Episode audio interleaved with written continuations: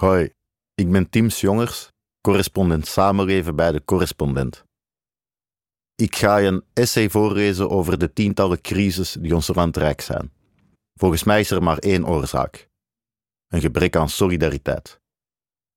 De compensaties voor talrijke crises klotsen op dit moment tegen de plinten. Fijn, die solidariteit. Maar wie al langer rond de armoedegrens leeft, kan je vertellen: juist een gebrek aan solidariteit is waar al deze problemen mee begonnen. Het zal je ongetwijfeld opgevallen zijn. Het aantal miljardenplannen en compensatiepotjes vanuit de overheid zijn bijna niet meer te tellen. Allen zijn ze bedoeld om de ene na de andere crisis het hoofd te bieden. Voorlopig sluitstuk is de historische koopkrachtreparatie die op Prinsjesdag 2022 werd aangekondigd. Liefst 17,2 miljard euro werd daarvoor uitgetrokken. Deze tijden vragen nu eenmaal om solidariteit met de meest kwetsbaren onder ons. Klinkt logisch. Maar als iets gerepareerd moet worden, wil dat toch ook zeggen dat er iets kapot is gegaan. Als je uitzoomt, vertellen die crisis dan ook een ander verhaal. Namelijk een jarenlang gebrek aan solidariteit. We stonden erbij en keken ernaar. Tot nu. Je hoeft niet hard te zoeken om te zien hoe de overheid op dit moment heel dure prijsters aan het prakken is op tal van crisis. Een korte broemlezing. 2019 werd het jaar genoemd waarin de onderwijscrisis niet langer te negeren viel. En in 2021 werd er nog opgeroepen om echt in te grijpen in de onderwijscrisis. Dat was tevens het jaar waarin de miljarden investering via het Nationaal Programma Onderwijs het licht zag. Dat er een woningcrisis is, is geen nieuws meer. Niet alleen omdat het aantal daklozen verdubbelde de laatste twaalf jaar, maar evengoed omdat zowat iedereen die niet over een jubelton beschikt amper nog aan een huis kan komen. Het betekende de terugkeer van de minister voor Volkshuisvesting. En eind juni van 2022 werden vervolgens de nationale prestatieafspraken Volkshuisvesting ondertekend. Goed voor een investeringsimpuls van zo'n slordige 108 miljard euro tot 2030. Ook wat bestaansonzekerheid betreft is er het een en ander aan de hand. Dat laat zich eigenlijk relatief simpel samenvatten. Voor het eerst is er een minister voor armoedebeleid aangesteld. Ook de historische koopkrachtreparatie is exemplarisch. Er is een bestaanszekerheidscrisis en dus moeten er crisismaatregelen getroffen worden. Nu de personeelschaarste zich stevig laat voelen, zitten we tevens met een arbeidsmarktcrisis opgescheept. Tot slot, vorig jaar waarschuwde de Wetenschappelijke Raad voor het regeringsbeleid voor de onhoudbaarheid van de zorg. En onlangs maakte de Nederlandse zorgautoriteit-voorzitter Marian Kaljau zich openlijk zorgen. Als we niets doen, krijgen kwetsbare mensen niet meer de zorg die ze nodig hebben. Dat maakt een eind aan solidariteit in een rijk en beschaafd land, vertelde ze. Zie hier de zorgcrisis die, al dus collega Limberger, niemand wil zien. Gevolg? De zorg krijgt er volgend jaar 6 miljard bij op een begroting van nu al bijna 100 miljard.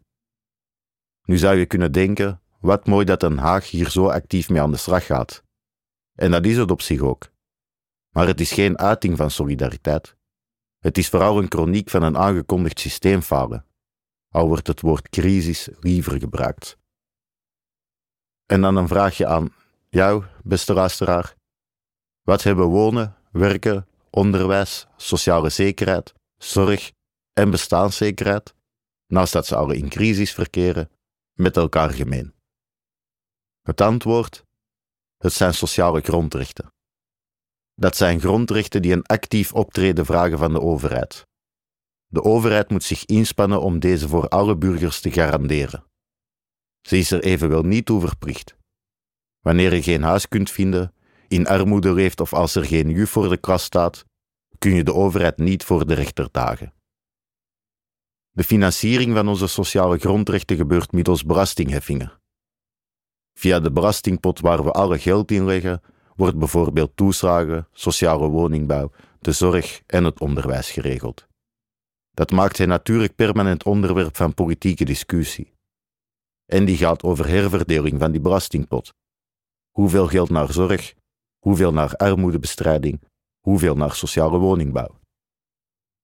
Het betalen van belastingen om onze sociale grondrechten te waarborgen is dan de vormgeving van correctieve solidariteit, Het is de organisatie van solidariteit aan de voorkant. Het fundament van onze verzorgingsstaat.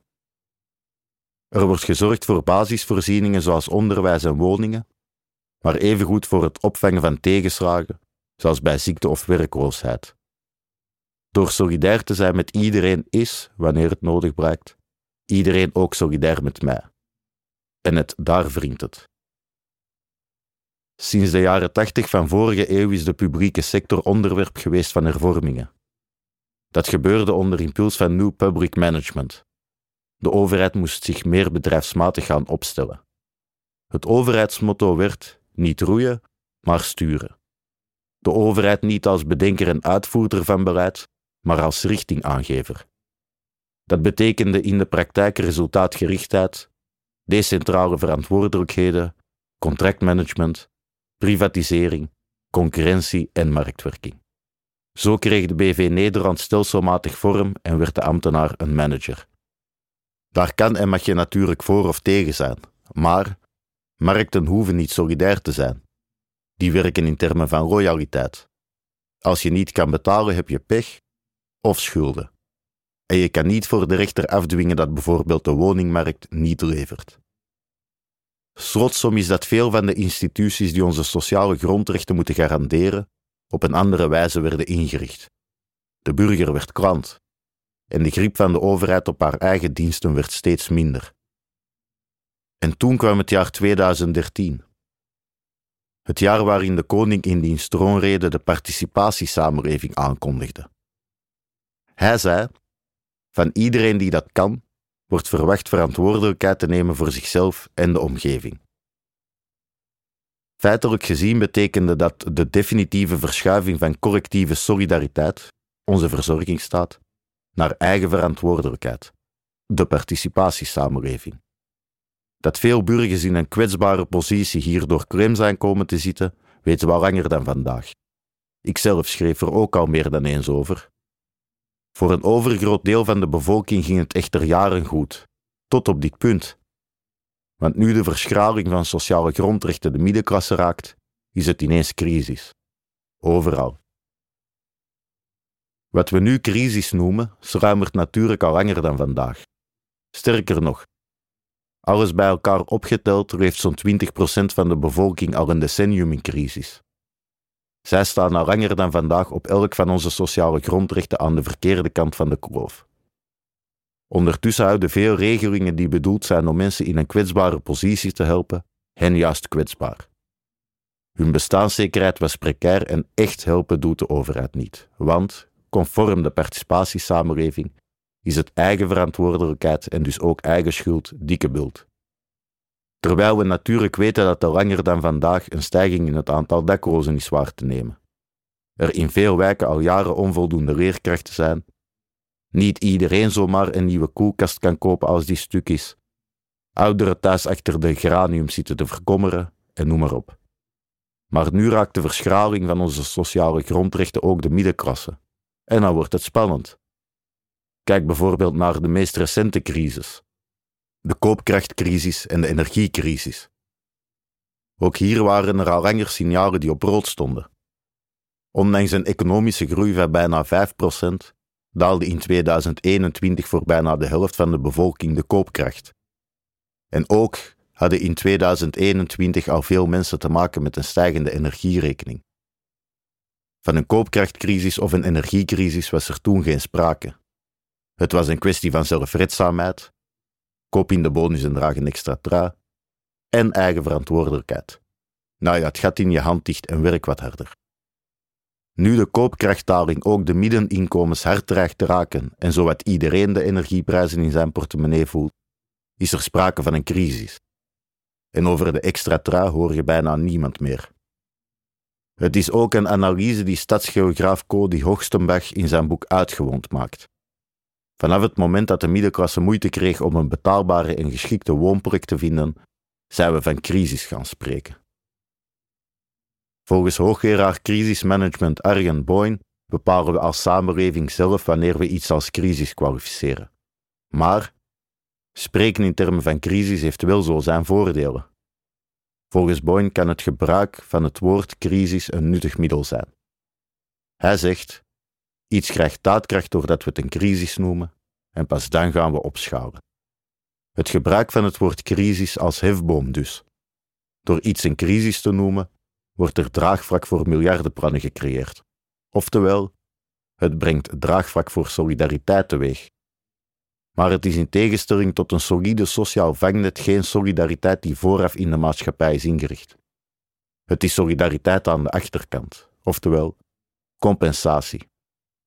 Er zijn allerlei afwegingen om de nadruk op de ene of op de andere soort te leggen, daar kan een magje voor of tegen zijn. Maar bedenk wel dat dit soort solidariteit niet houdbaar is. Al in 2019 concludeerde journalist Sander Heijnen dat de vermarkting in de publieke sector is mislukt. En van de participatiesamenleving horen we amper nog iets. Dat de BV Nederland daarmee zowat op zijn einde loopt mag duidelijk zijn. Dat werd recent nog haarfijn geanalyseerd door Kim Putters, voormalig directeur van het Sociaal en Cultureel Planbureau. De staat van onze sociale grondrechten is daar het pijnlijke bewijs van. En de crisis die ons nu lijken te overvallen, zijn een aangekondigde chroniek. Dat is de tragiek van de democratie. Zolang het met het overgrote deel van de bevolking goed gaat, vinden we solidariteit niet zo'n dingetje. Het wegkijken stopt pas als ook de zus van de journalist of de sociaal betrokken ondernemer, naaste vrienden, collega's en buren met stijgende prijzen en onzekerheid te maken krijgen. Dat kan cynisch klinken, maar er zit een eeuwige optimist in mij. Beter laat dan nooit. En hopelijk openen de miljardencompensaties een breed debat over onze sociale grondrechten. Want of je het nu wil of niet, ze zijn het fundament van onze samenleving. Daarmee is het op orde hebben van de basis de vormgeving van collectieve onzichtbare solidariteit, van de houdbare soort. Als we dat willen, tenminste.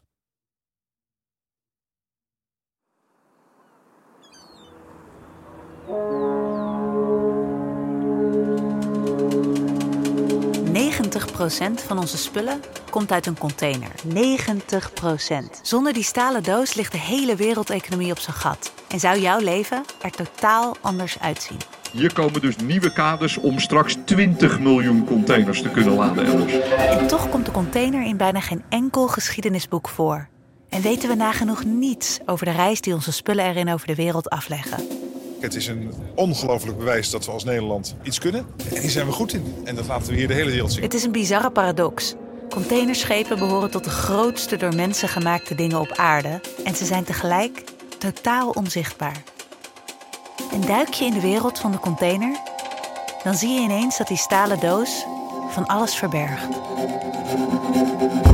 Totaal is er 3,2 miljoen kilo rotzooi in zee beland. Er is een criminalisering opgetreden van zeevarenden. Het wordt echt een gevangenis. Some of the worst cases are over four years that seafarers have been left on board. They haven't gone home.